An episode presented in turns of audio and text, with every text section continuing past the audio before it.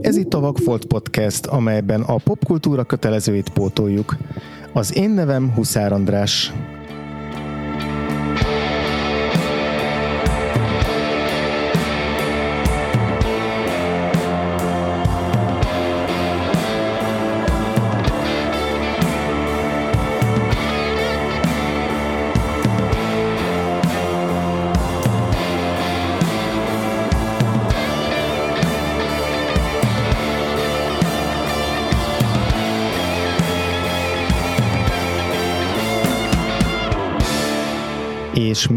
Nincs itt velem Frivalszki Majer Péter, de nem sokára ő is csatlakozik. Viszont addig is bemutatom az aktuális adásunk vendégét, Vosztri Ferencet. Szívből jövő szeretetteli üdvözletem mindenkinek. Köszönjük szépen, hogy eljöttél. Ugye Feri az epic.hu főszerkesztője, illetve a Hiánypotló Kemény Idők podcast házigazdája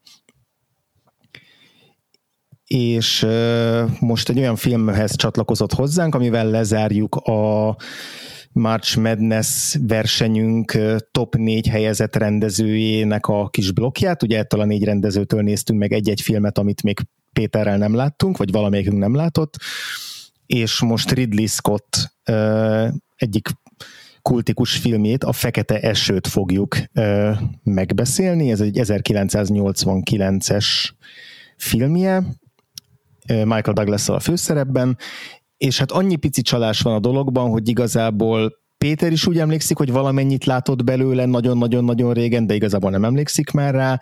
Szinte én is láttam belőle részleteket, de most újra nézésnél inkább csak így a hangulata volt meg, szóval még az se biztos, hogy ténylegesen láttam. De gyakorlatilag azért mind a kettőnknek többé-kevésbé egy új élmény volt a film, úgyhogy így belefér a, a podcastünknek a tematikájába. És Fej, azt tudom rólad, hogy te kifejezetten szereted a filmet, vagy legalábbis úgy tudom, hogy kifejezetten szereted a Fekete Esőt. Ha tudsz egy kicsit mesélni arról, hogy milyen a viszonyod ehhez a filmhez, mikor láttad először, láttad-e mondjuk a mostani adás előttig többször mm, hasonlók?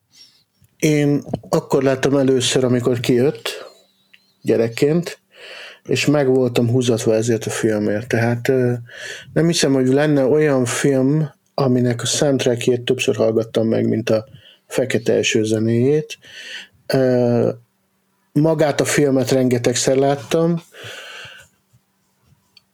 Annyi, most újra néz, a mai újranézésekor, számtalan, szóval nem is tudom, hányszor láttam, a mai újranézésekor egyre erősebben érződtek azok a hibái, amik miatt nem tudok már annyira szerelmes lenni belé, mint régen, de azért még mindig eléggé oda vagyok érte. Uh-huh. Akkor azért még mindig nem csak a nosztalgia faktor játszik be, hanem... Nem, én amúgy sem bírom úgy eleve általában a nosztalgiát, úgyhogy ez ilyesmi nem is vezérelne. Értem, és közben, ha jól látom, megérkezett Péter is. Szervusztok! Szia Peti! Nem maradtál még igazából sok mindenről? Megkérdeztem Ferit, hogy ő mikor látta először a filmet, és milyen a viszonya hozzá, illetve elmondtam azt is, hogy mi ketten gyakorlatilag most láttuk először.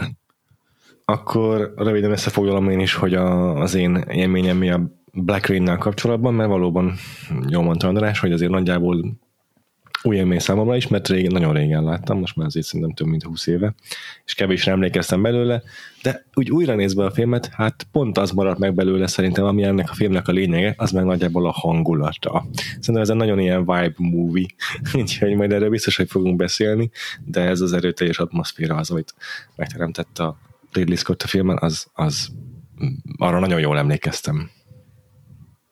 Uh-huh. És András, te hogy vagy vele? Nekem is így, bocsánat, Nekem is így az atmoszféra maradt meg belőle, ez az ilyen sötét, noáros, esős, neonfényes világ, amit Ridley Scott felvázol ebbe a filmbe, illetve nekem gyerekkoromban volt ilyen Yakuza korszakom, vagy hát igazából nem nevezhető egy korszaknak, hanem hogy így onnantól kezdve, hogy hallottam az ilyen... Lássuk azokat a tetoválásokat, Ja, ezért nincs meg a kis ujjad. Á, igen, igen, ezt nem szoktam általában megosztani emberekkel, mert ugye köt a kötelesség, de az ilyenekről nem dicsekszik az az ember, de Uh, igen, szóval így tökre emlékszem arra, hogy amikor először hallottam az ilyen Yakuza témáról, akkor ha jól emlékszem, a füles, kép, füles uh, rejtvénymagazinban voltak ilyen fekete-fehér képregények, és talán azok között is volt egy ilyen jakuzás, meg a Robert Mitchumnak volt egy jakuzás film, és hogy nem emlékszem pontosan ilyen idővonalra, hogy ezek közül melyiket mikor olvastam vagy láttam, de hogy így nekem gyerekkoromban, tudjátok, az ilyen futóhomok, meg, meg nem tudom, láva, meg ilyen hasonló ilyen toposzok, amik ilyen ponyva meg kalandkönyvekbe, vagy filmekbe előkerülnek, és amik ilyen, nem tudom, gyerekkorban így ilyen, ilyen a képzeletet ilyen iszonyatosan így a markukba tartják, na nekem így kb. a Yakuza is így ebbe a, ebbe a körbe tartozott, úgyhogy így szerintem ennek kapcsán jutottam el a feketesőig is, de hát akkor még nem hiszem, hogy tudtam, hogy ki az a Ridley Scott, valószínűleg tudtam, hogy ki az a Michael Douglas, de, de körülbelül ennyi, és hát azóta pedig nem láttam ebből a filmből több jelenetet, meg, meg nem néztem újra egészen mostanáig, szóval ehhez képest ilyen teljesen friss élmény volt. Világos. Ugye a 80-as évek akciófilmjeinek akciófilmjei közé hová sorolnátok? Tehát a sikerültebbek közé, vagy a gyengébbek közé? Mint akciófilm? Vagy mint... Mint film általában. Mert mint filmet szerintem ez egy ilyen sztori szintjén nem feltétlenül kiemelkedő, vizualitás és tényleg hangulatteremtés szintjén kifejezetten erős. Akciófilmként nem tudom, profi, de hogy nem biztos, hogy így az élmezőnybe beraknám magamtól. Péter? Hát igen, valahogy így vagyok vele én is. Mm, biztos, hogy nem tartozik a, azok közé, amiket így elsőre eszembe jut felsorolni, ha 80-as évek akciófilméről van szó, de azért mindenképpen egy, egy erős ilyen futottak még. Neked egyébként, Feri, mi erről a véleményed? Hát figyelj, nem voltál itt, amikor beszéltünk róla, hogy én ezt gyerekkoromban imádtam, sőt, tínédzserkoromban totál imádtam, meg voltam húzatva érte. A soundtrackét annyiszor hallgattam, mint másik filmnek egyiket se, soundtrackét. És most, hogy újra néztem, jöttek elő egyre erősebben azok a hibái, ami miatt már nem tudok, hogy igazán szerelmes lenni bele. Ah. És a, a legnagyobb hibája szerintem, még csak nem is a forgatókönyv, illetve hát a forgatókönyvből ered az, ami a legnagyobb hibája, hogy a Douglas karaktere az egy kurva a seggfej az egész Igen. filmben. Igen, az, az antihős, az még rendben van. Igen, ez már nem antihős, hanem ez már egy elviselhetetlen seggfej. És és ez gyerekként nem tűnt föl. Tehát gyerekként átsúan sok minden a fejed fölött. Simán. De itt, de úgy felnőttként idézőjelben nézve a, azt, amit csinál, és ahogyan viselkedik, nem, nem csak a japánokkal, hanem még az amerikai társaival is, de főleg a japánokkal, az, az szó szerint bicskanyitogató. Szóval az nagyon durván felbaszta az agyamat, hogy viselkedik ebben a filmben. Lehet, hogy ezt a fajta viselkedést egy hasonló ilyen akkori hoki hajas sztár, a Kurt Russell el tudta volna jobban adni, mert a Kurt Russell egy szimpatikusabb színész, meg figura, Ez mint igaz. a Douglas, de Douglas a végére már fejbe rúgtam volna a legszívesebben, és így lett, így illant el igazából a szerelmem amit régen ez iránt a film iránt éreztem. Hmm. Hát szerintem, nagyon, szerintem ezzel nagyon fején találtad összeget, hogy, hogy, hogy, a, hogy mennyi múlik egy sztárnak a kisugárzásán a saját magával, az attitűdjével, amit hoz a szerepbe. Igen, és ez egy tök érdekes kérdés, mert hogy hogy ez mennyire tudatos mondjuk a, a Ridley Scott vagy az alkotók részéről, hogy itt egy seggfejt mutasson be. Valószínűleg minimális szinten igen, mert hogy van benne egy ilyen megtanulja a japán kollégáktól így a becsületet, meg a tiszteletet, meg a kötelességet, meg hasonló. Tehát, hogy van benne egy ilyen ív a filmben, de igazából a film végére is nagyjából hasonló ilyen vigyorgó szarrágó marad, mint a film elején. Egy, egy picikét talán változik, vagy árnyalódik. Ha Igen, azért tanul valamit. A, tanul valamit, de hogy nem lesz egy ilyen teljes transformáció belőle, de hogy igazából így végülis jelképezhetné ez a karakter így az amerikai arroganciát, csak nem tudom, hogy a filmnek mennyire célja ez, hogy így ajtóstól berúg a házba, vagy berúgja a házba az ajtót a, a, ez a fickó, és utána pedig így folyamatosan jelzik számára, vagy jelzi számára a film, hogy így rohadtul nem így kéne csinálni a dolgokat, és hogy csak hibát hibára halmoz. Szerintem ez valamilyen szinten megvan a filmben, de de jó kérdés, hogy mondjuk a Michael Douglas részéről ez mennyire volt tudatos, hogy ő itt a ő itt tényleg ezt az, ezt az amerikai arroganciát testesíti meg, vagy ő úgy gondolta, meg a film is úgy gondolta, hogy ő a nagymenő, akit egy picit úgy helyre kell tenni, de azért mégiscsak ő a nagymenő. Nézd, szerintem minimálisan, de tényleg csak nagyon minimálisan ez benne van a filmben, de szinte ilyen mellé gondolat kéne, mert például a két captionnak van egy ilyen mondata a filmben, hogyha egy amerikai nem tökéletes, akkor nevetséges.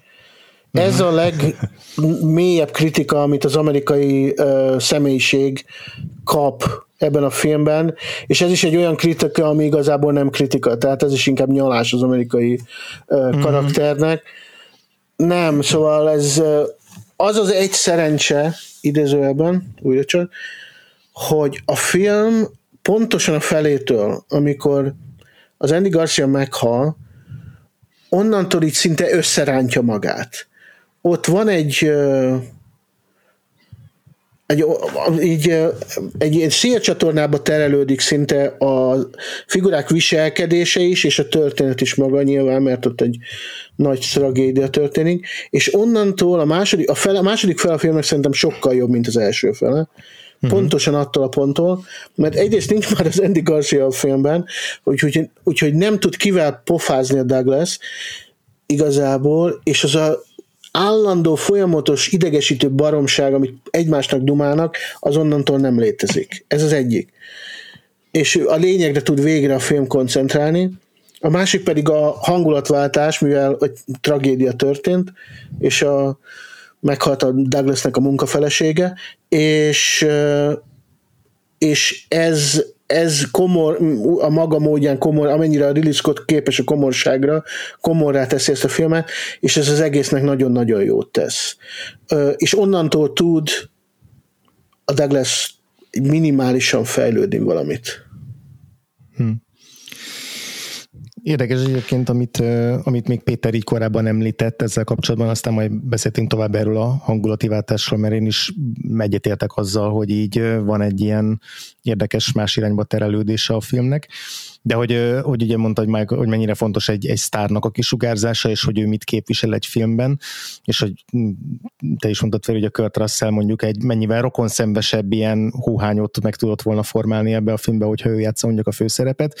Nekem egyébként tökre tetszett a Michael Douglas alakítása, engem is halálosan idegesített a karakter, de a Letterboxdon olvastam az egyik ilyen reviewban egy olyan jellemzését a Michael Douglasnek, nem csak erre a filmre, hanem általában a, az ő filmjeire, főleg a 80-as években, hogy a Michael Douglas minden szobába a farkával előre megy be, tehát hogy ő olyan mértékben ilyen, ez az ilyen kaksúr, tehát ez az ilyen teljes magabiztossággal és gőggel érkezik mindenhova, hogy ott, ott ténylegesen csak ennek az alfa himmocsó pózolásnak van helye, és hogy, hogy tényleg nem is az, hogy hogy ilyen nagy mellénnyel megy be, hanem tényleg, mint hogyha így kilógna a farka, és úgy, úgy érkezne meg, hogy így akkor most mindenki engem, engem istenítsen, és hogy Michael Douglas szerintem e, ő ezt tudta zseniálisan csinálni, és főleg a 80-as éveknek az ilyen, az ilyen meghatározó filmjeiben, mint mondjuk a, Wall Street volt, a tőzsdecápák, ami ugye pár évvel ezelőtt a film előtt készült el,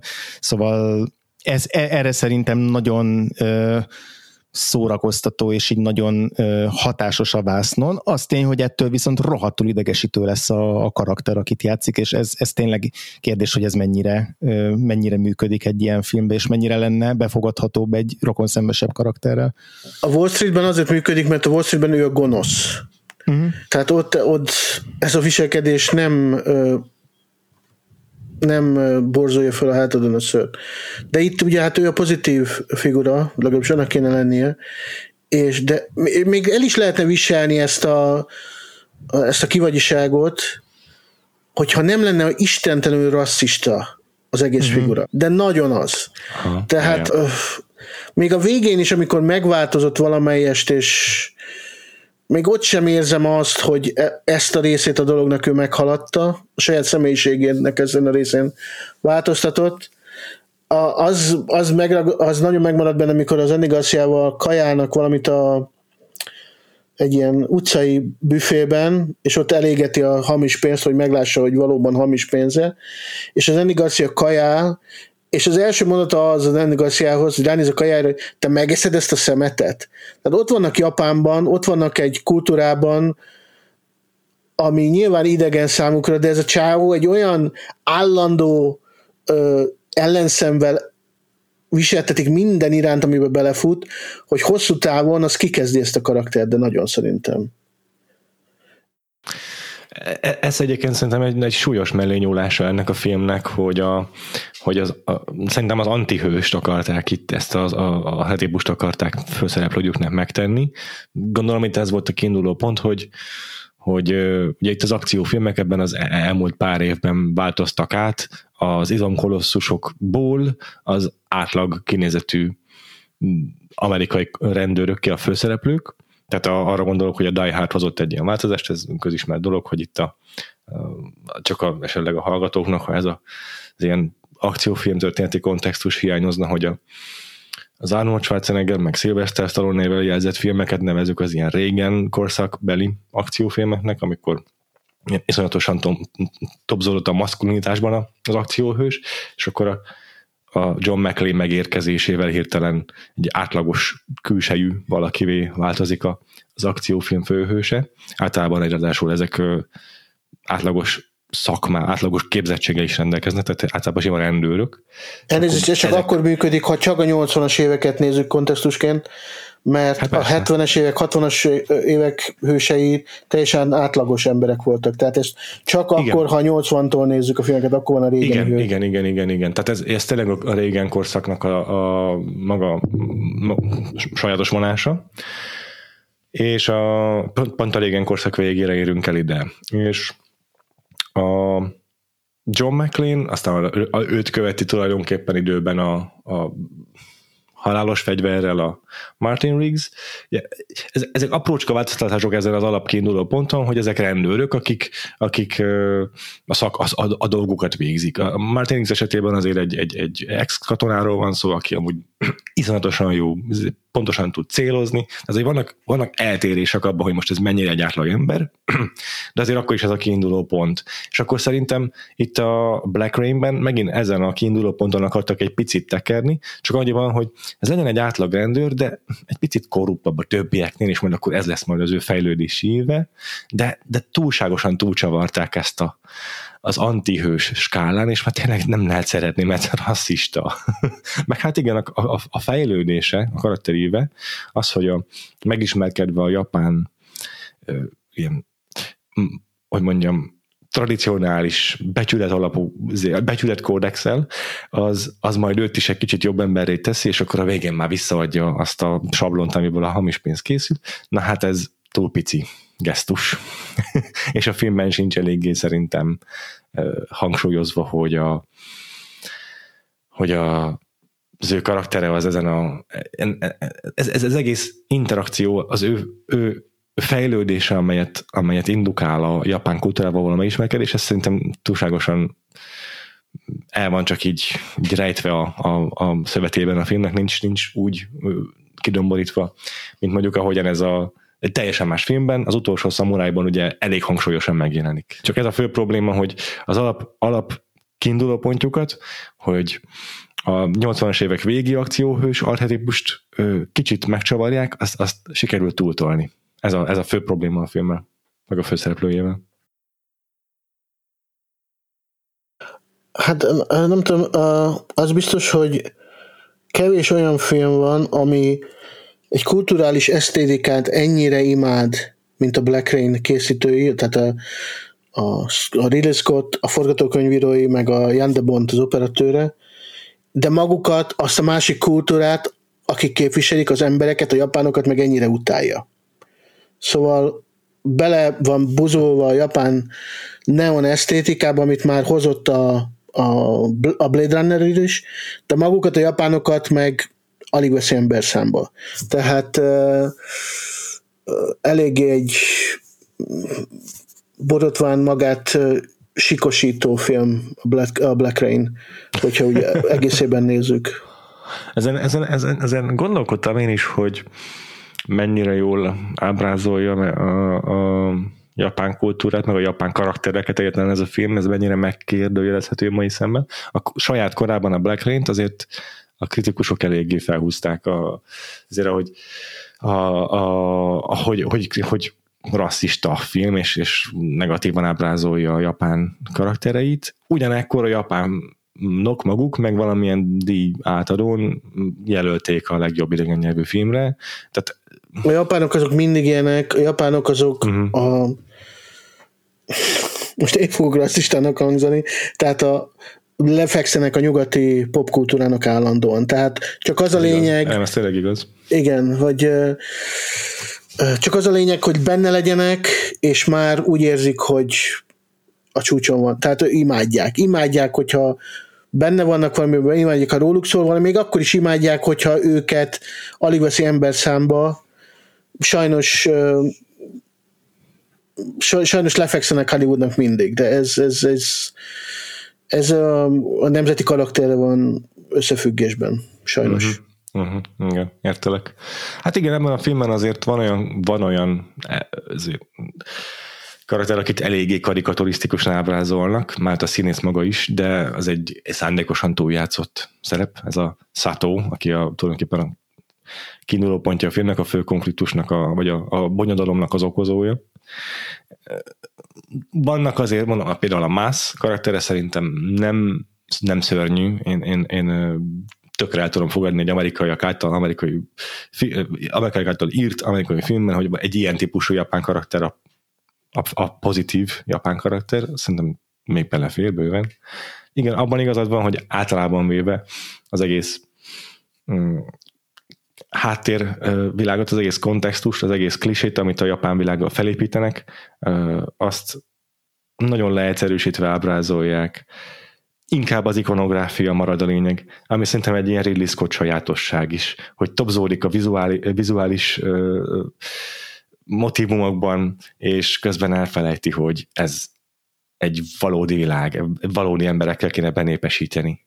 Figyelj, én ezt még a személyre se vetném, tehát és azt hiszem, hogy pontosan ez a gondolat megfogalmazódott a fejemben, hogy itt semmi nem látszik valósnak ebben a filmben, ez még a New York résznél, ahol minden vagy naplemente volt, vagy napfelkelte, yeah, meg yeah, a yeah. Michael Douglas-nek alig volt lóvé a családtartást fizetni, az közben egy a Brooklyn hídra néző loftban lakott. Tehát yeah.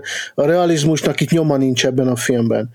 De épp azt, az fogalmazódott meg bennem, hogy igen, ez abszolút nem reális, de ki a francnak kell a realitás?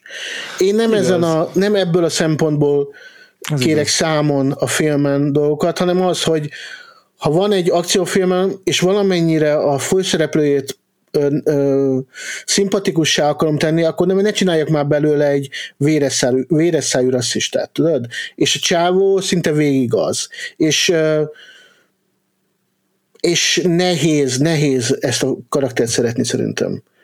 Nem is, nem is szándék, szerintem, szerintem nem is lehet. Tehát onnantól kezdve, hogy már rögtön az elején azzal nyitunk, hogy ellene zajlik egy ilyen belső ügy, ügy vizsgálat, ez az Internal Affairs vizsgálat. Jó, a a, nem tudom, ez, ez ez nagyon-nagyon gyakori klisé, hogy a főhős ellen a rendőrök vizsgálatot indítanak, ezért felfüggesztik, de itt ebben a filmben eléggé határozottan ki van mondva, hogy hát tudjuk róla, hogy, hogy bizonyítékokat nyúl le, meg hasonló, és bűnös, csak tagadja, de, de nem arról van szó, hogy a, tudod, mint a legtöbb, legtöbb esetben az ilyen filmekben, hogy túlságosan cowboy a rendőr, és, és azért izé függesztik fel, mert túlment a határokon, és a szabályokat nem tartja be, pedig ugyanakkor eredményes, nem, itt, itt rendesen egy korrupt zsarolról van szó, ez az első tíz percben kiderül. És ennek tetejében még rasszista is, tehát itt aztán abszolút negatív karakter, negatívan ábrázolt karakter, és, és, és nagyon nehéz neki ne, nagyon nehéz felmentenünk őt nézőként, nagyon nehéz szerintem rá úgy tekintenünk, hogy, hogy szurkoljunk érte. Igen, és érdekes, mert hogy amikor elkezdődött a film, és ugye meg volt-e valóban ez a, ez a belső ügyosztályos, vagy belső ellenőrzéses jelenet, meg ott ismerkedünk meg az Andy Garcia karakterével, a Charlie-val, és hogy ott nekem az elején még valahogy az én fejemben az, az létezett, hogy akkor a, a, az Andy Garcia lesz a korrupt, vagy róla majd kiderül, hogy ezt nem kezdtem el itt szőni a fejembe, csak ilyenkor bevillannak így a, így a klisék, amik lehetnek egy filmben, hogy akkor majd a, a Charlie lesz a korrupt, és akkor a, a, a Nick, a Michael Douglas majd rájön a film tudom, első felébe, hogy ó, basszus, de hát ő itt véd mindenkit, meg azt mondja, hogy itt nem tudom, nincs valódi korrupció, vagy hát az emberek csak rászorulnak, és közben itt van a legjobb haverja, aki meg mindenkit lenyúl, tehát, hogy igazából én is úgy kezdtem el szőni a fejemben ezeket a karaktereket, ami belepasszolt volna abba, hogy a főszereplő az egy egyen rokon szembesebb figura, és majd a, a, az ilyen menőző legjobb haverjáról derül hogy igazából ő a sáros, és akkor ez neki majd okoz egy ilyen belső konfliktus, de hogy ugye tökre nem erről van szó, hanem ténylegesen ő az, aki később bevallja a Matsumoto-nak, hogy, hogy ja, persze, ő, ő, ő lenyúlt pénzt, és akkor mondja, hogy nem büszke rá, de azért annyira nincsen megtörve se tőle és a, az Andy Garcia karaktere meg nem tűnik különösebben korruptnak, ő csak így, nem tudom, szereti az életet, és így szereti nagy, nagy kanállal falni az életet. És, és inkább ő tűnik még egy ilyen rokonszembesebb figurának, aki próbálja tompítani így a Michael Douglasnek a reakcióit, meg, meg viselkedését így akár a japánok felé is. Azért ő se olyan nagyon durván lép ilyenkor közben, de egy picit így mondja, no, ez, ez talán még se kéne. Körülbelül ilyen reakciói vannak, amikor a Michael Douglasből itt tényleg így nagyon hát előjön a, a, az ilyen amerikai nem tudom, vadállat. Igen, ez a baj, hogy ez egy body cup movie akar lenni, csak a Vic Meki főszereplésével. Ahhoz képest egész sok haja van ja, ja, ja. Igen, és mondta korábban a Feri, hogy így onnantól lesz jó a film, vagy onnantól rá, rá, rá, rázza kicsit össze magát, hogy az Andy Garcia kikerül a képből, amivel így egyet is értek. Viszont nekem egyébként nagyon élvezetes volt az Andy Garcia én alakítása. Is, én, is én, én meg, már is felejtettem, hogy ő ennyire karizmatikus, és ennyire ilyen, ilyen elképesztően rokonszembes tud lenni, akkor is, amikor a karakter amúgy nem annyira szuper szimpatikus, és hogy azt, igen, azt látom én is, hogy a ketten együtt, tehát ez, az, ez a buddy része, a, hogy a Michael Douglas meg az Andy Garcia együtt, az, az ő benterjük, az így sok, az így nagyon rátelepszik a filmre, de az Andy Garcia nekem egy ilyen tök üde színfoltja volt ennek a filmnek, és itt tökre élveztem nézni. A, a, a magában a csak az Andy Garcia-t én is nagyon kedvelem, és kedvelem hmm. a, a karaktert is a filmben, csak ketten hmm. együtt, igen, sok, igen. A, sok, igen, a, sok, sok, ez a hülye pofázásuk, igen. Uh-huh. Igen, egyetértek teljesen.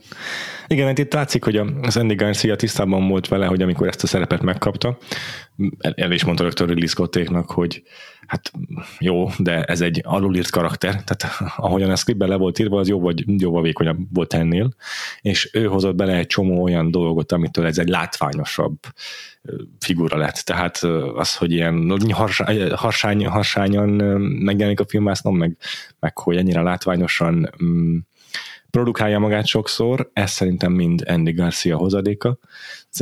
Ő azért tisztában volt azzal, hogy ezt valahogy ezt a karaktert kicsit fel kell, fel kell pumpálni ahhoz, hogy a filmásznom valami nyomot hagyjon. Ugye most fél órát eltartott kisújjal soroltuk a Black Rain-nek a vért és valós negatívumait, de a másik fél órát ö, töltsük azzal, hogy a pozitívumait soroljuk el. Ez szerintem a Ridley Scottnak az egyik leggyönyörűbb filmje vizuálisan. Egyébként, amikor mondtad, hogy itt az elején rögtön naplementékkel, meg nap, napfelkeltékkel, hogy az jutott eszembe, hogy ezt a filmet a Ridley Scott úgy rendezte meg, hogy kikölcsönzött egy lapot a tesója a Tony Scottnak a rendezői eszköztárából. Annyiban nem értek egyet, hogy a Tony Scott mindig átesne ebben a szempontból, ebből a szempontból hmm. a ló túlsó oldalára. Hmm. De a Ridley az pont megállott, hogy ne forduljon át gicsbe a vizualitás. Aha. Pont, Aha, pont ott megáll jó. szerintem. Tök jó és pontosan ezért nagyobb tehet, volt nagyobb tehetség, vagy hát mm. ő még él, de szóval igen, igen, igen. tehetségesebb vizualista, mint szegény Tony volt. Ehhez, hogy minden beállítás szó szerint egy festmény legyen, hogy ez a mhm. film ennyire jól nézzen ki, elképesztő még most is, 34 év után, ahhoz kellett Európa legjobb operatőre, a Jan de Bond, aki, aki meg egy másik zseni szerintem. Scott, Igen. Igen. azt nem mondom, hogy egy zseniális rendező, vannak kurva nagy filmjei, ezt tudjuk, de mint vizuális képzelő ember csodálatos, és ha összeáll egy ilyen operatőrrel, mint amin a de Bond, tehát akkor ilyen, ilyen vizuális csoda születik, mint a Black Rain. Igen. Ugye itt a, igen, felsorolva a filmnek a pedigréit, szerintem érdemes vagy nem tudom, elgondolkodtam rajta, hogy hogyan állt össze vajon ez a, ez a csapat. Azt is olvastam, hogy a filmet tulajdonképpen maga Michael Douglas hozta tető alá, tehát ő ekkor így kb. a a csúcsára ért, az előző filmét már emlegettétek, a Wall Street az egy mm, Oscar sikert is hozott számára, jelölték legalábbis, annyira én emlékszem, és a következő film, a végzetes vonzerő, az meg egy gigantikus box office győzelem volt, és, és egyszerre volt tényleg kritikailag is, meg anyagilag is a Hollywood csúcsán, és akkor szerintem ő maga akart egy ilyen filmet, hogy hogy ott legyen azokon, az, azok, azokkal a figurákkal együtt, akik, akiket az akciófilmeknek a, a csúcsán emlegetnek. Konkrétan szerintem egyértelmű, hogy a, a Die Hard és a, és, az, és, a, és a halálos fegyver az, aminek a, a nyomaiba akart ő lépni. És hát nem, nem lehet véletlen, hogy a Jan de Bont lett a filmnek az operatőre, aki a Die Hardot is fényképezte. Itt az volt, hogy a, ő megkereste először a végzetes vonzerőnek a producereit, hogy akarok egy ilyen filmet, van ez a script, megtalálta ezt a Black Rain scriptet, fogalmam sincs, hogy ez hogy került pontosan hozzá, és akkor azt mondta, hogy ezt tőle akarja forgatni, és ehhez keressenek neki stábot, és a Ridley-re, meg úgy esett a választás, hogy hát nyilván az adott volt, hogy ő erre rátermet erre a feladatra, de úgy, úgy alakult szerintem a dolog, hogy a Ridley akkor éppen nem volt egy túl jó pozícióban, tárgyalási pozícióban, hogy értem, mert az előző két filmje az éppen nagy bukás volt, a Legenda készült ezelőtt kettővel, meg a Someone to Watch Over Me, ezek mind a ketten megbuktak a mozi pénztáraknál, és hát szerintem őnek így kellett egy siker ezen a ponton, egy, egy kassza siker.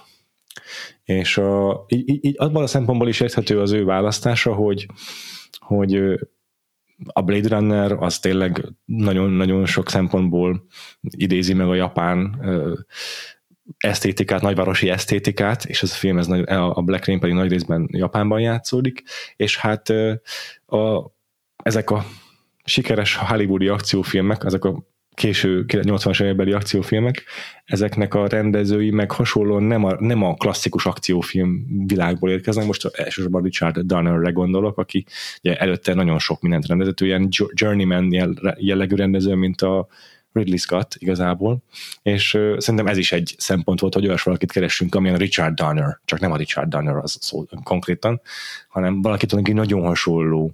Uh, hát az, ez a Donner az, a, azért az akció, Goonies, meg ilyesmi elég az akciófilm. Nálam csak az volt, hogy a, hogy a, nála a halálos fegyver ez egy ilyen, na, na, én, úgy, úgy, úgy érzékeltem, hogy ez egy ilyen páratlanabb dolog, hogy, hogy egy akciófilmet, egy ennyire törölmetszett akciófilmet meg, ő, ő faszán megrendezett, ugye annyira más, és annyira sokféle műfajban jelent meg ő előtte. De hát mondom, F- hogy nem, nem, nem, nem meghazudtolni akarok, vagy valami, csak, uh-huh. csak a Donner az aztán, hát ő Superman, meg ilyeneket rendezett, uh-huh. ő az a csáv az egy fantasztikusan tehetséges Hát én, hogyha megkérdezik, hogy a Donner az mire, mi, mi az a műfaj, amiben igazán otthon volt, akkor én azt mondom, hogy az akciófilm. Meg mondjuk ő rendezte az Oment, ami egy zseniális horrorfilm, de az, uh-huh. azt meg mondjuk pont kivételnek mondanám, bár a tévés munkáiban elég sok ilyen uh, Made for TV horrorfilm volt, de, de uh-huh. azért szerintem a Donner az, az leginkább akciófilmes. Ah, hát igen, de hogy nála szerintem akkor is valahol ez a halálos fegyverrel kezdődött, azt látod csak én gondolom, de ugye tök hasonló, mondom, szerintem a kettőjüknek a filmográfiája, hogy a 70-es évek közepe vége, az egy ikonikus horrorfilm, mind a kettőjüknél, a Ridley-nél is, meg nála is, aztán próbálkoznak egy csomó minden mással, konkrétan a Lady Hawk meg a Legend az tökre rokon filmek, egy a 80-as évek közepi fantasy próbálkozások, tehát tök, tök hasonló dolgokkal kísérleteznek a karrierjük során, mire eljutnak oda, hogy egy-egy akciófilmet megrendeznek a 80-as éveknek a vége felé. A Lady Hawk az egy gyönyörű film, tehát azt Szerintem is. Solyomasszony magyarul, az azt, aki nem látta, az pótolja meg, mert ez egy szenzációsan jó film. Igen. A legendának Na, azok a jó, a legenda az gyönyörű, de szerintem hmm. borzalmasan unalmas, és igen, uh, igen. csak a amikor a Tim Curry sátánnak, vagy nem is tudom, démonnak, óriási démonnak öltözve van a színen, az, az, azokat a jelenetei azok, amik tényleg szuperek. Remélem egyszer majd, majd lesz alkalmunk valamilyen film kapcsán a Richard Donnerről sokat beszélni, mert egy barom izgalmas rendező ő is. És akkor szerintem ez a két név, aki itt a legfontosabb, tehát a Scott meg a Jan de Bont, és akkor még a, a zenét emlegetett, hogy mennyire sokat hallgattad, Feri. Hans Zimmer szerezte a Scott, aki most itt az Eső ember után kapja meg ezt a filmet. Az Eső ember az nála egy óriási berobbanás Hollywoodba. Ez az első akciófilm szkórja, és aztán elég sok ideig meghatározó akciófilm zeneszerző lesz igazából ő, nem, nem csak személy szerint, hanem a stúdióján keresztül is, amit ő kialakít, ez a Media Ventures, amiben rengeteg olyan név fordul meg. Csak az el, egy pillanatra visszatérve, aki most Aha. ezt hallgatja, biztos, hogy fenn van a Youtube-on, nem száz százalék, de, de majdnem biztos vagyok benne, a Goonies-nak az első jelenetére keressen rá, hogy kezdődik a Goonies az az egyik legtökéletesebben megnézett akciójelenet, amit életemben láttam. Jó, ez, ez, ez tök jó. Köszi szépen a tippet, bele fogok, bele fogok nézni én is. Szóval, hogy a, az első akciófilm szkórja Hans Zimmernek, és aztán a későbbiekben szerintem nála ez egy ők, ő, ő eléggé meghatározza az akciófilmnek a zenei világát és a következő években, vagy évtizedekben. Tehát a, a Black Hawk Down szkórját szerintem nagyon sokan, sokféle módon feldolgozták, vagy, vagy felhasználták a, a későbbiekben, de hát a, a, egyébként a Ridley-vel ezen kívül még hatszor dolgozott együtt, és nagyon sok olyan film, tehát szinte mindegyik film kurva jó, amit, amit együtt csináltak, és nagyon jó szkórjaik is vannak. Tök jó párosítás lettek ők így, a Ridley meg a Hans jó másfél évtizedre. Igen, és szerintem egy ö, egyszer ilyen nagyon minimalista a filmnek a zenéje engem meglepett, hogy mennyire visszafogott, miközben meg így nagyon markáns, tehát hogy tényleg egyrészt képviseli ezt a nagyon jellegzetes 80-as évekbeli hangzást, ilyen ugye főleg elektronika, elektronikus hangszerekkel, szinti zene, inkább ilyen módra megy rá, mint sem konkrét ilyen, nem tudom, John Williams-es dallamokra. Igen, semmi melódia gyakorlatilag, igen. A dallamos, nem arról van szó, ja, de azért inkább, igen. inkább valóban a, a hangulatteremtés a lényeg. Hát ez egy, ez egy klasszikus Hans a hozzáállás szerintem. Igen, igen. Viszont így lett, tehát, hogy lehet, hogy csak azért, mert az utóbbi, nem tudom, pár évtizedben a Hans Zimmernek a zenéje az, az már így a dübörgéssel jelent egyet, hogy ahhoz képest viszont ez kifejezetten egy ilyen... Jó, hát azért ezt most konkrétan itt a Rain Man, meg a izé között vagyunk. A, Persze, csak így a mégis a True Romance. Igen, ebből visszatekintve tök izgi látni, hogy ebben a korszakban meg hogyan szerzett mondjuk egy akciófilmhez zenét.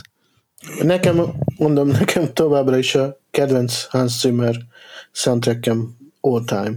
Nagyon szeretem ezeket a 80-as évek végig, 90-es évek elejé szintis szkórjait, de én is nagyon szeretem a, a, azt, amit a Black Rainhez szerzett, egyetértek. Hiányolom is, hogy nem tér vissza most már annyira ezekhez a kis letisztult, kevés hangszerrel dolgozó szintetizátoros szkorokhoz, mert nyilván szintével dolgozik, tehát a Blade Runner 2049 is szint is, csak az már Persze. egy ilyen, ez egy milyen hangszőnyeg, az már egész más.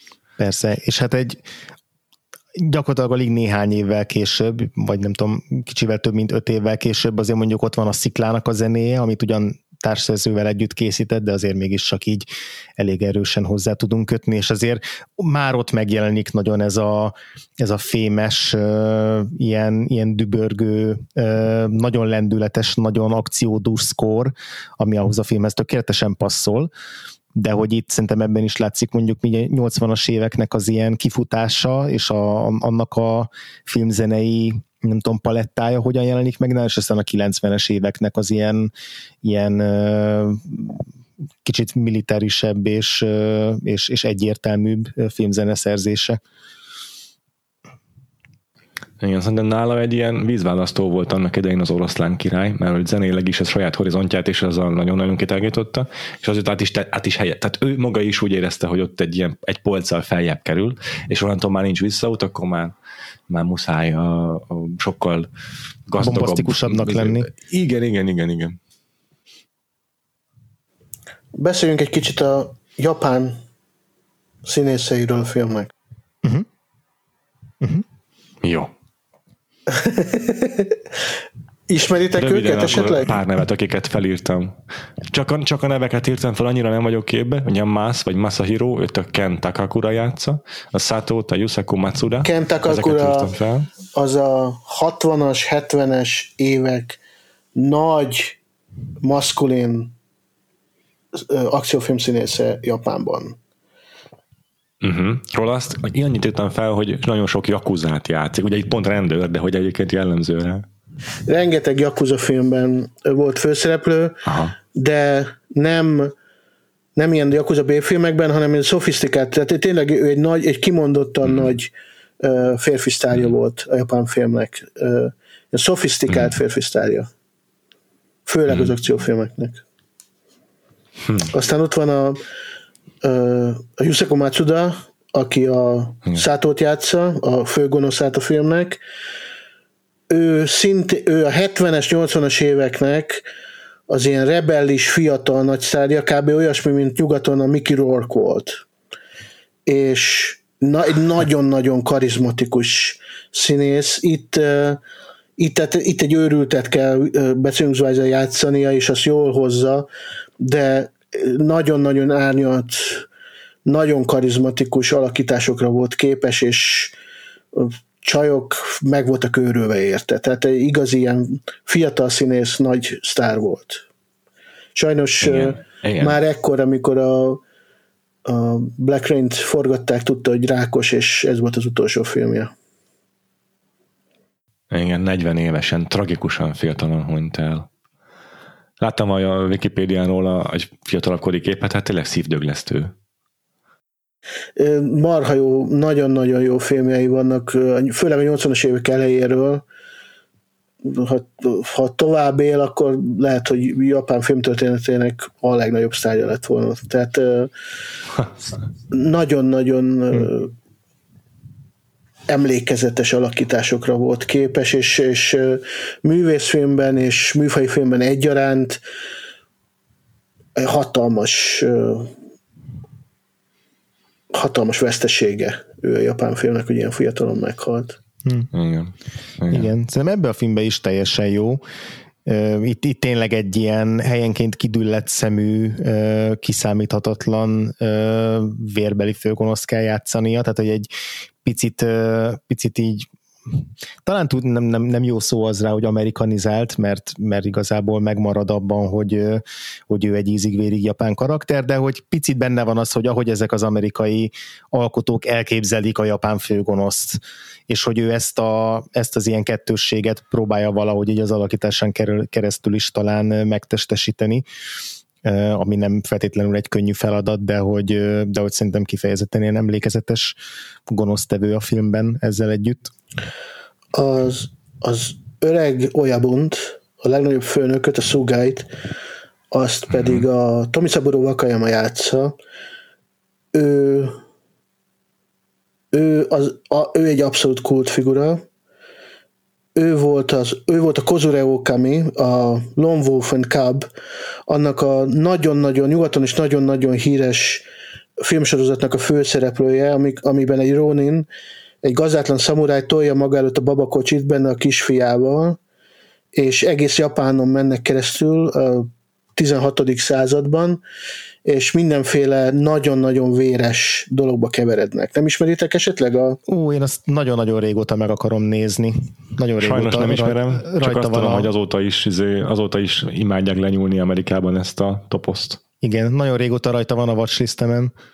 Azt a film, az, az, az, az, ez egy hét filmből álló sorozat, azt mindenképpen látni kell. A, az akciófilmeknek az a non plus ultrája a Kozure Ukami, és és hát igen, ő volt a főszereplője, a Tomi Szaboró Wakayama, annyit kell tudni róla, hogy a testvére volt a, a másik nagy japán sztárnak, aki, a, aki viszont a Zatoichi sorozatnak volt a főszereplője.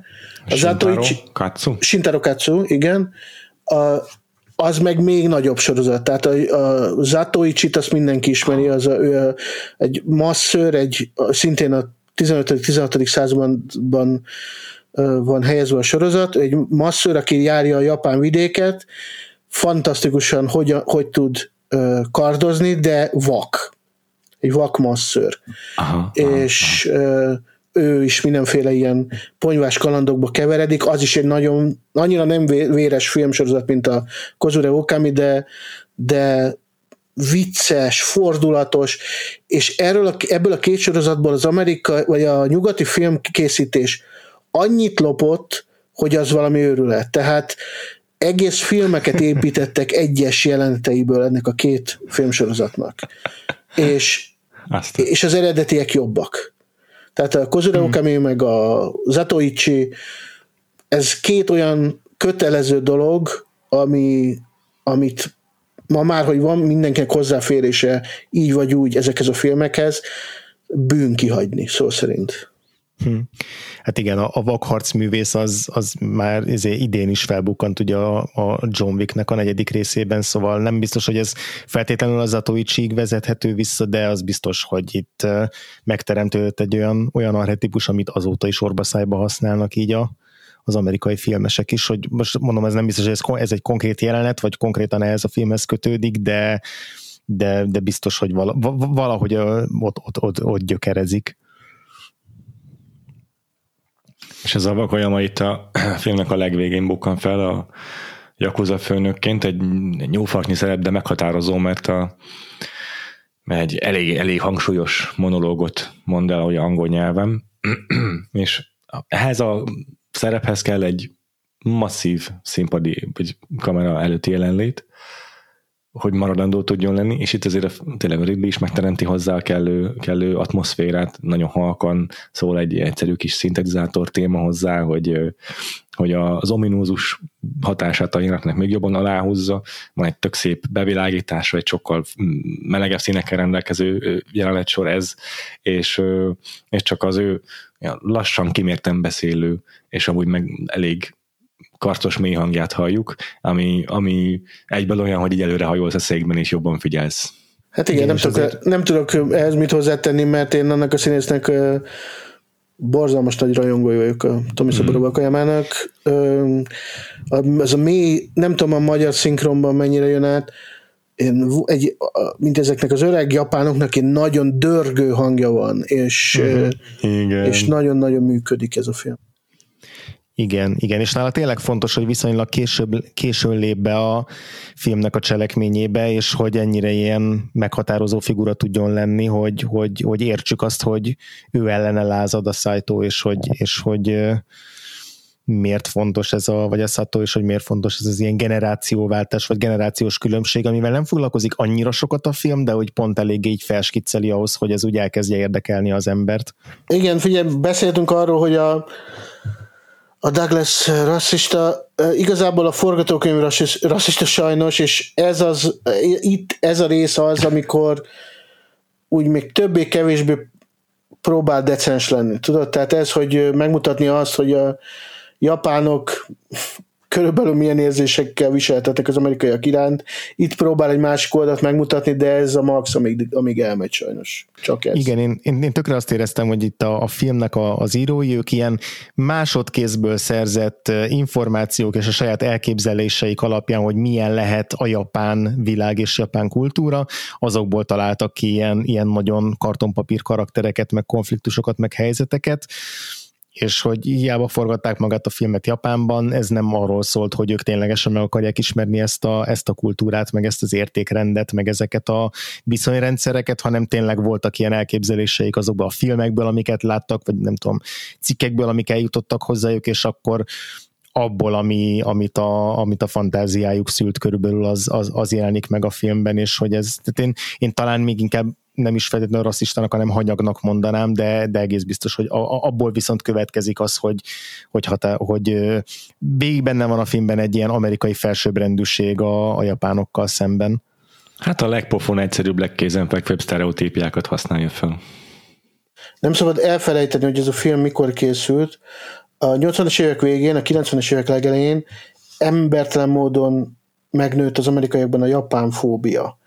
Az, hogy a japánok mindent fölvásároltak, meg gazdasági szempontból uh-huh. eszméletlen módon túlhaladták őket, ez egy nagyon-nagyon erős japán gyűlöletet keltett bennük, aminek a másik hát nem, sőt, inkább az, a hollywoodi példája például 92-ből a Rising Sun című film, amiben a Sean Connery van, meg a Wesley Snipes, a Michael Crichtonnak a elég szar könyvéből készült, ami aztán ja, az 3-400 oldal, az a könyv, az a könyv 300-400 oldal japán gyűlölet. Tehát egy, a Crichton próbál, hmm. próbál uh, part, uh, marad, mi, pártatlan maradni, nem, mire mm-hmm. kinyögöm, de, de azért annak a könyvnek rendesen az az alapja, hogy a japánok itt vannak, és mint, mint egy ilyen megszálló csapatok át akarják venni Amerika felett az irányítást. Tehát ez, ezekben az években ez nagyon erősen ott volt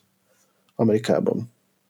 Még ja. a Ridley-nek a, a rendezéséről egyébként egy pár szót szerintem ejthetünk. Ezzel kapcsolatban érdekesség, hogy a Michael Douglas valamikor megkérdezték, már jóval később, hogy saját maga által, vagy a, a saját filmjei közül miket tekint a legjobbnak, és azt, mondta, hogy amikor az emberek így megkérdeznek a karrieremről, és mely, melyik a kedvenc saját filmem, akkor azt kell, hogy mondjam, hogy Black Rain az, az azért ott van a legjobbak közt, mert egyediek a tulajdonságai, mint filmnek, és, a, és, a, és az execution, amit kiemel, hogy az, az minden, minden szintéren uh, kiemelkedő volt. Ugye itt a kivitelezést érti ez alatt. És ez egyébként szerintem tetten érhető, ez, ez, ez tényleg érezhető a filmen, hogy, hogy uh, itt a, a Ridley-re jellemző mm, nem, nem perfekcionizmus az amit, az, amit rá lehetne használni szerintem, de az, hogy a, hogy a filmet azért a, a minden egyes képkockája valahogyan a Feri is mondta, a legtöbbet kihozza. Minden jelenetből a lehető legtöbb hatást kihozza, nem csak a kamera minden, minden beállítás olyan, mint egy reneszánsz festmény, tehát ez a film formailag tökéletes. Igen. igen Lehet, hogy igen. itt most fikázzuk, hogy ilyen karakter, egyik karakter olyan, meg másik karakter olyan. Igazából még a Scottnak sem ez volt a fontos. Tehát ami neki fontos volt, az a vizualitás és a hang, hang kulissza, meg a zene, meg minden. Igen, és mondom, igen. ez a film formailag, formai szempontból nem csodálom, hogy ez a kedvenc film és sajátjai között, mert tökélet. Ja. Igen. Ja, ja. Na, na, én szerintem a Ridley Scott az a fajta rendező, aki nagyon tudja mindig, hogy mi a, mi a feladata. Ez alatt azt értem, hogy elolvassa a skriptet, tudja, hogy ez a, az az elvárás ezzel a filmmel kapcsolatban, hogy hogy illeszkedjen bele a késő 80-as évekbeli akciófilm hullámba, ugyanakkor meg a japán világot, mint egy ilyen exotikumot, azt mutassa be úgy, hogy nagyon látványosan izgalmas nagyon néző, az amerikai néző számára.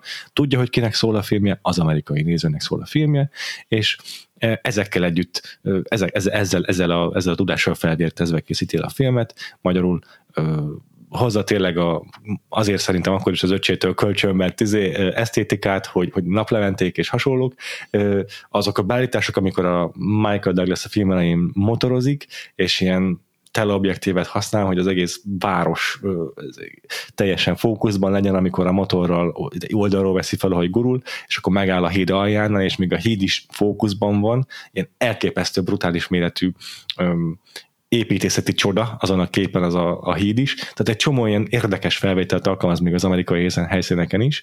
Szóval mindennel az, az atmoszféra teremtés az ő céljait, hogy egy, hogy egy beszippancson a világába ez a film, és, és erre, erre, ez, ennek az összes eszközét, erre az összes eszköz beveti.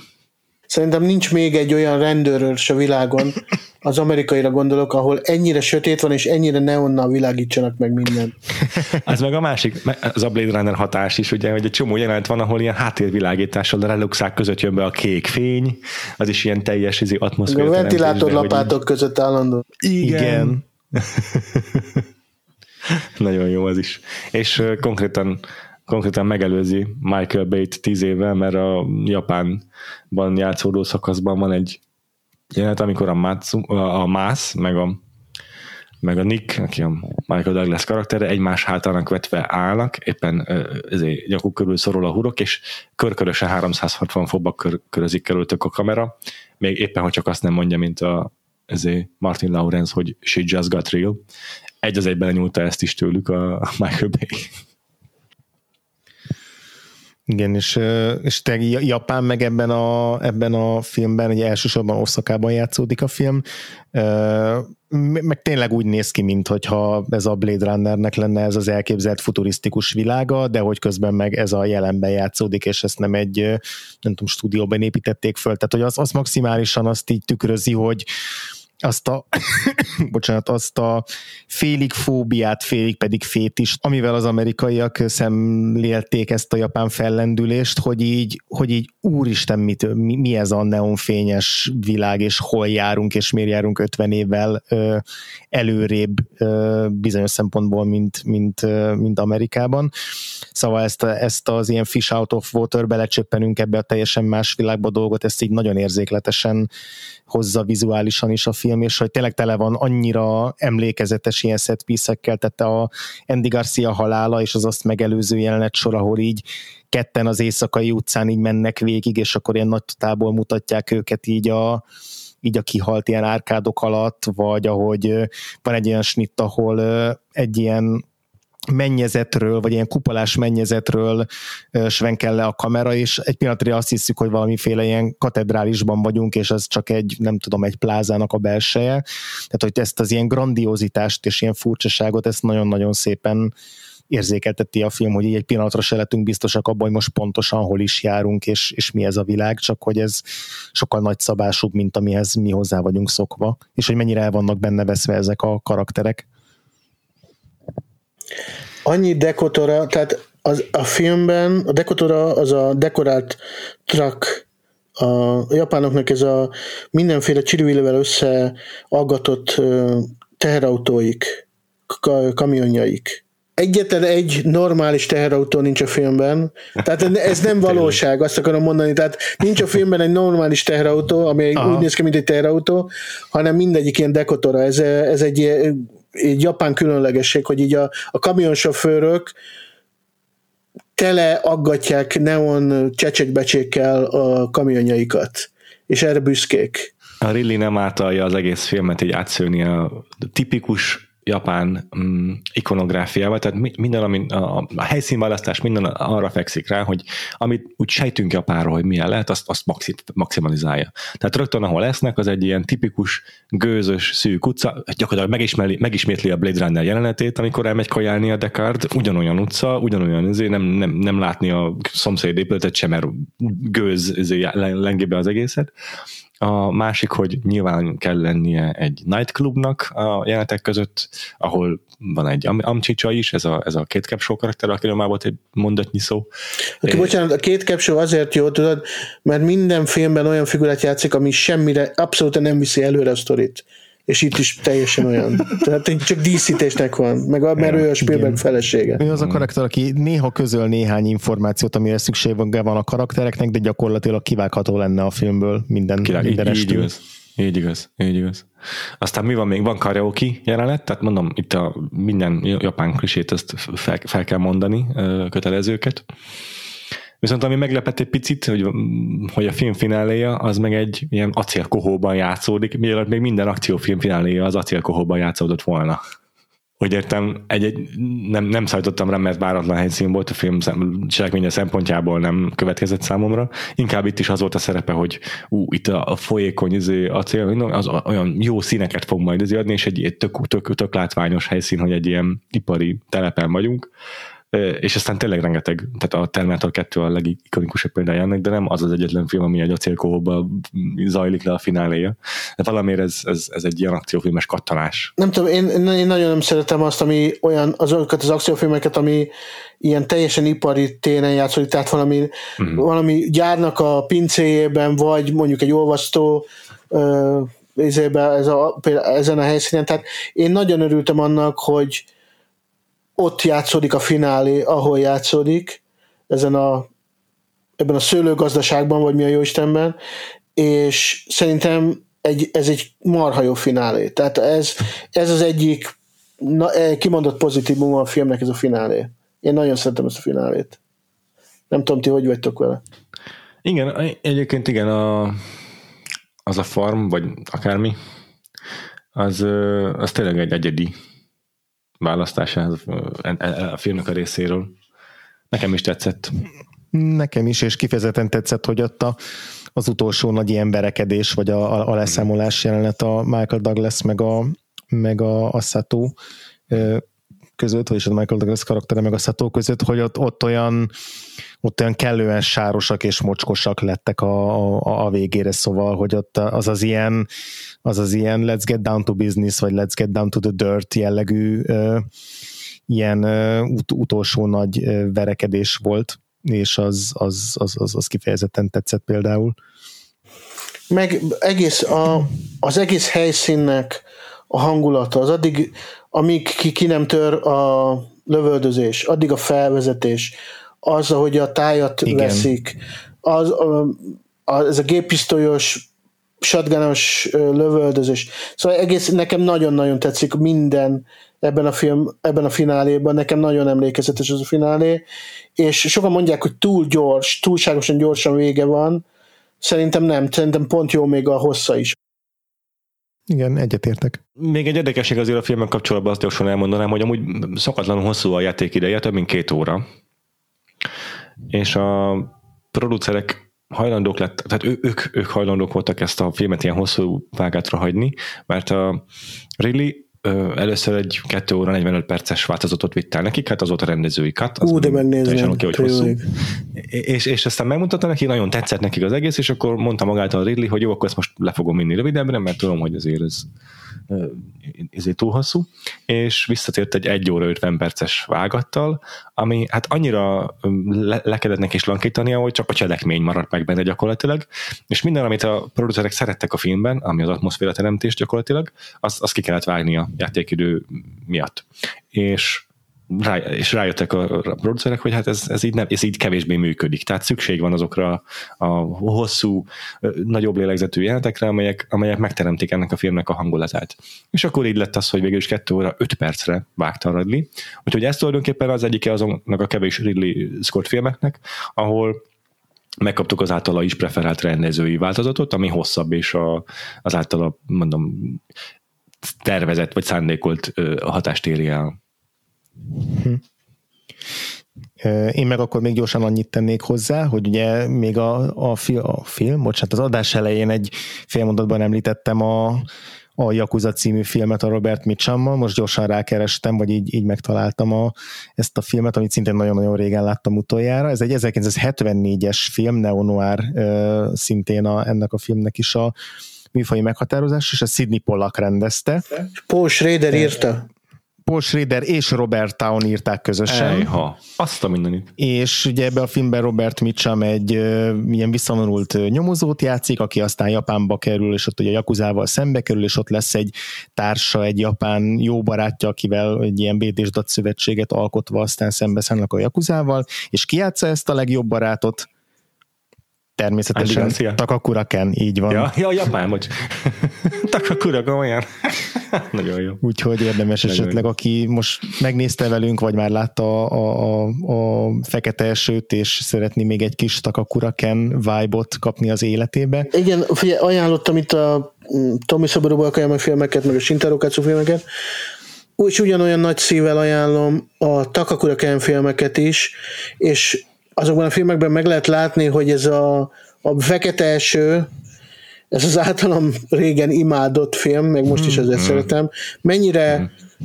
gyerekesre, hülyére veszi a figuráját. Tehát ez a fickó, ez, ez egy sophisticated cool ember a filmjeiben, és nem egy ilyen ah. macska Jancsi, aki az amerikainak kell, amerikai baromállatnak kell, hogy engedelmeskedjen állandóan. Szóval érdemes a, a japán filmeket megnézni. Igen. Ezt egyébként nagyon sajnáltam ebben a filmben, hogy nem, volt, nem voltak teljesen pariban az amcsi szereplő meg a japán, tehát hogy a japán rendőr az nem, nem egy ekvivalens társa volt a filmben, hanem azért Igen. tényleg egyértelműen, egyértelműen ledominálta őt az amerikai. Igen, és főleg, hogy egyébként pedig a, a Takakura Ken az első megjelenésétől kezdve, amikor így a háttérből meglátjuk, és így a szemünk az felé fog kalandozni, még akkor is, amikor nem feltétlenül tudjuk, igen. hogy ő fontos szereplő lesz később, hogy, hogy olyan kisugárzásom, hogy pont az, amit most a Fe, ahogy a Feri jellemezte, az teljesen megjelenik így általa, csak a karaktere, a megírt karakterében ja. nem jelenik ez meg annyira. Ja. A lezárása a filmnek, régen imádtam azt az utolsó jelenetet, amikor a reptéren átadja azt az ajándékot, és kiderül, hogy ami kiderül, mindegy. És most, ahogy eljátszották, ahogy a, a Michael Douglas elmegy a repülőgép felé, és a, a Takakura kinyitja a csomagot, és utána néz a Douglas után, és ez az arckifejezés, hogy ennyi, Nick, áj, dicsoda egy rossz fiú vagy te, az annyira irritált, hogy ez a, ez a bárgyú, az ameri- amerikaiaknak oh. benyalás gesztus, igen. hogy... Igen. Az engem, én is forgattam a szememet arra, igen, egyértelműen. Igen, és Én utána is. még a Michael Douglas nyom is egy thumbs a végére, tehát hogy ténylegesen yeah. minden esetleges ilyen karakterfejlődést, vagy olyan tanulságot, amit ő megtanultott Japánba, azt az az egy mozdulattal semmisé is teszi egyébként, hogy ja, én még ja. mindig én vagyok a fasz a gyerek. Ja, most már többször ráhúztuk a scriptre a vizes lepedőt, egyébként még utolsó gondolatként azt is el akartam mondani, hogy nem csak a japán kultúrával kapcsolatos rossz sztereotípiák, vagy a sztereotípiák rossz kihangsúlyozása szerintem a hibája, hanem konkrétan cselekményvezetése is olyan erőltetett, néha mondva csinált. Tehát a megoldás, amivel a Sato kikerül a kezük közül a reptéren, egy picit olcsó, hogy még balfaszok is ezek a nikkék, hogy, hogy izé azonnal átadják a, a Szátót az első szembejövő rendőrnek kinéző öltönyös japánoknak, mert egy kukkot nem tudnak japánul, mert ennyire rasszista, hogy még azt se érti meg, hogy mi van a papírra írva, és, és elhiszi róluk, hogy rendőr csak azért, mert úgy néznek ki. Az egy kicsit ilyen, ennél okosabban is megírhatták volna azt a jelentet talán. Igen, azért, azért idegesítő, mert azt érzed, hogy ezek az idióták, ezek az idiót amerikaiak Igen. akármennyi baromságot csinálhatnak, úgy igazán Igen. sosem fizetnek meg érte. Aztán azért Igen. csak megfizetnek, mert az Andy Garcia ott hagyja a szó szerint a fejét. Szóval hmm. Hmm. De, de tényleg, tehát ez a, ez a cowboy stílus, yeah. ez ahogy az ember öregszik, és nem gyerekként mm-hmm. néz ezeket a filmeket, annyira irritáló, hogy, mm-hmm. hogy őrül. Igen. Igen, igen, igen, igen.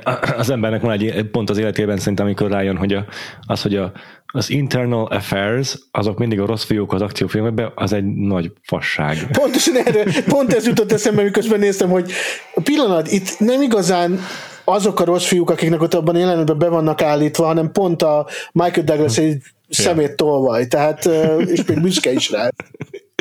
Pontosan, igen. Aztán még volt egy pár ilyen, ilyen forgatókönyvírói, vagy forgatókönyvi hiba szerintem, amit felírtam. Azt se tetszik, hogy a, a japán, elmennek helyszínelni a japánok is, ott is van egy másik, mint kiderül kapcsolódó ügy, és a Michael Douglas ott is eltesz szépen pár ezért pénzt, némi pénzt.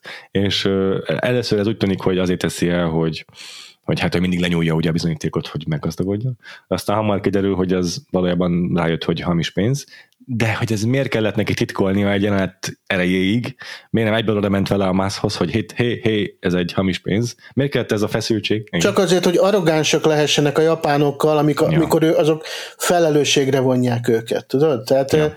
újra ja. csak azért, hogy ja. a japánok kevésbé, kez, kevésbé kezdeményező képességűeknek tutyimutyibnak látszódjanak, Igen. mint az amerikaiak.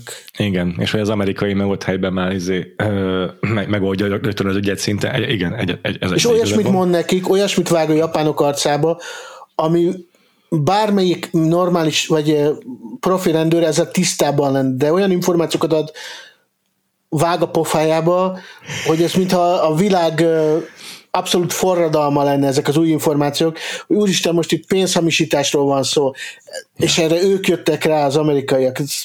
Ja. Minden japán, tud, egy ja. japán rendőr tudná ezt. Ja. Ja, ja. És akkor ezzel még szembeállítanám azt az egy monológot, amit a végén mond el a Yakuza főnök, hogy az viszont szerintem nem rossz egyáltalán, hogy az indokolja meg a viselkedését, meg az amerikaiakkal szembeni hogy mondják, rossz attitűdjét, hogy hát hogy ő megélte a, a második világháborút, amikor ez a Black Rain nevezetű élmény érte őt, amikor a bombázások hatására ugye nem csak a... Így is mondhatjuk, hogy ez a fekete első igen. nevezetű élmény érte őt, meg úgy is hát mondhatjuk, igen, hogy atomot dobtak igen. rájuk.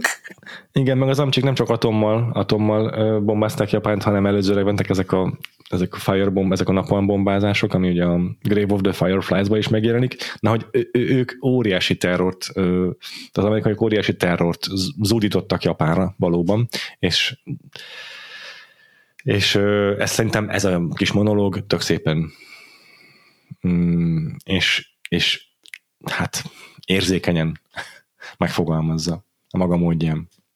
Ez, ez ott nem lógott ki a lóláb. Az a jelenet megmutatja azt, hogy igazából ebben a filmben ki a legjobb színész, tehát és, ez, és ja. ez nem amerikai. Szóval... Hát, ja. igen, igen, igen, igen. Értek. Jó, nagyjából ezt akartam még kiemelni. Egyébként a film anyagilag is sikeres lett, tehát most megnéztem gyorsan az IMDb-n, vagy a, bocsánat, a Wikipedia-n összehasonlítva a többi hasonló kortárs akciófilmmel, ez 40 millióból, vagy bocsánat, nem, 30, 30 millióból készült ez a film, és 134 millió dollárt kaszált, ami egy az egyben ugyanaz, mint amit a Die Hard csinált. Tehát az is egy ugyanekkora büdzséből készült, és ugyanennyi 140 millió dollárt hozott. Tehát utolérte a Die Hardot az amerikai mozipénztáraknál. Egyébként azt hiszem, hogy a, a halálos fegyver is hát hasonló liga, az 15 millióból készült, tehát olcsóbb volt, és úgy hozott 120 milliót, tehát nagyon hasonló annak is a nyeresége. A Die Hard sikere az nem, nem igazán a mozis siker volt, hanem utána VHS-en kezdett itt terjedni mm-hmm. szájról szájra, hogy mennyire jó film. Így van, így van, így van. De hogy akkor tényleg volt egy akkora étvágy ezek iránt, az akciófilmek iránt, és erre nagyon helyesen ráérzett a Michael Douglas, egy óriási érzékkel eltalálta ezt, és mégis összehozta azt, amit akart, elérte, amit akart, de aztán valahogy ő mégsem maradt ezen az akciófilmes pályán. De ezzel a filmmel megmutatta, hogy még ezt is meg tudja csinálni. 50 évesen átment az erotikus thriller pályára. Igen, igen, igen, igen, igen. És ugye érdekes, hogy mindezekkel együtt, hogy ő neki az a, az a pálya sokkal inkább feküdt, mindezekkel együtt is úgy gondolja, hogy a Black Rain volt neki egy ilyen emlékezetes forgatás. Pedig aztán mennyi minden kivel dolgozott együtt, akik a, a korszakuknak a ikonikus meghatározó rendezői, tehát itt a Felhőben mondhatjuk, de később a Fincherrel is, és mégis azt mondja, hogy azért a Ridley Scott filmje volt az, ami, az amire leginkább emlékszem. Na, hát ezzel a gondolattal akartam még lezárni. Jó, Jól van. Akkor igen, ezzel le is zárjuk ezt a, a blokkunkat is, a March madness blokkunkat, és köszi szépen Feri, hogy eljöttél ebbe az adásba vendégeskedni. Nagyon szívesen. Nagyon-nagyon köszönjük. Ugye... Hallgatóinknak pedig üzenjük, hogy ne felejtsétek el, hogy a, amellett, hogy két hetente megjelenik egy Vakfolt podcast adás, emellett készülünk a Vakfolt podcast extrával is, ami a támogatói podcastunk. Csatlakozhatok ehhez a podcasthoz a Patreonon meg a Donablin. Minden infót megtaláltok a vakfoltpodcast.hu per extra oldalon. Van már egy 2000 forintos extra támogatói csomagunk is.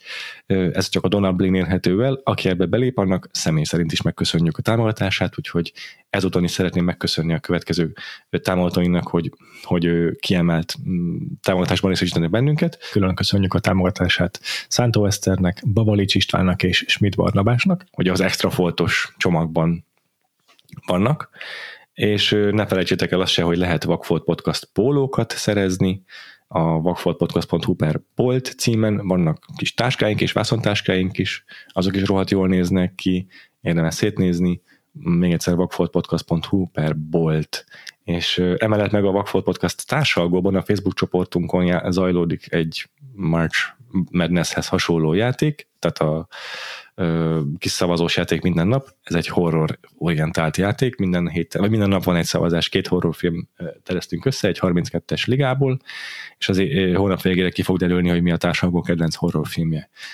Hallgatói kezdeményezésre kezdődött a játék, úgyhogy ha nem vagytok tagjai még a Vakfolt Podcast társalgónak, akkor lépjetek be a Facebookon, ha már tagjai vagytok, akkor lapozzátok fel, és ne felejtsetek el szavazni. Így van, és ha jól tudom, akkor Feri most neked a Kemény Idők podcastben is, ami egy alapvetően akciófilmes ö, tematikájú podcast, most horror hónapot tartasz szépen? E, igen, ebben a hónapban, októberben három horrorfilmről fogunk beszélgetni, illetve már beszélgettünk három különböző adásban. 18 éven aluliak nem hallgathatják, ez remélem érthető. 18 éven aluli vagy, akkor légy szíves.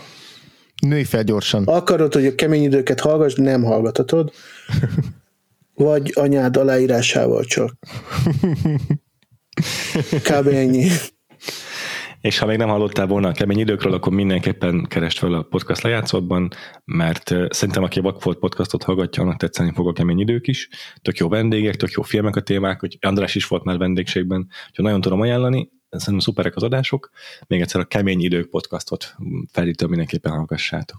És mivel nincs Zencaster előfizetésünk, ezért rendkívül rövidek az adások, tehát ö, ez ingyen a Zencaster kevés időt enged, úgyhogy, úgyhogy simán munkába menet meg lehet hallgatni egy adást. Jól van, és akkor mi milyen filmmel fogjuk folytatni az évadunkat, Péter, két hét múlva? Emlékszel fejből? Hát fejből nem, nagyon gyorsan meg tudom nézni. Visszamegyünk ugyanis az időben. Úgy, úgy, úgy terveztük meg az évadot, hogy bár különösebb ilyen tematikai összhang az nincs, de azért legalább egy időrendet betartsunk. Úgyhogy a következőben visszautazunk a Hollywoodnak az aranykorába egy kicsit, egész konkrétan visszamegyünk Orson Welles filmjeig, nem csak rendezettű, hanem főszerepelt is filmben, és ezek közül az egyik a Carol Reed filmje, a Third Man. Uh. November 1-én ezzel fogunk várhatóan visszatérni. Egy jó kis, jó kis noir blokkal, egy, egy, egy Orson Welles film, film, nevével fémjelzett noir blokkal. Így van, és aztán utána is maradunk az ilyen noir hangvételű filmeknél egy darabig. Igen. Úgyhogy várunk vissza mindenkit két hét múlva, és utána is. Addig is sziasztok! Sziasztok! Ciao.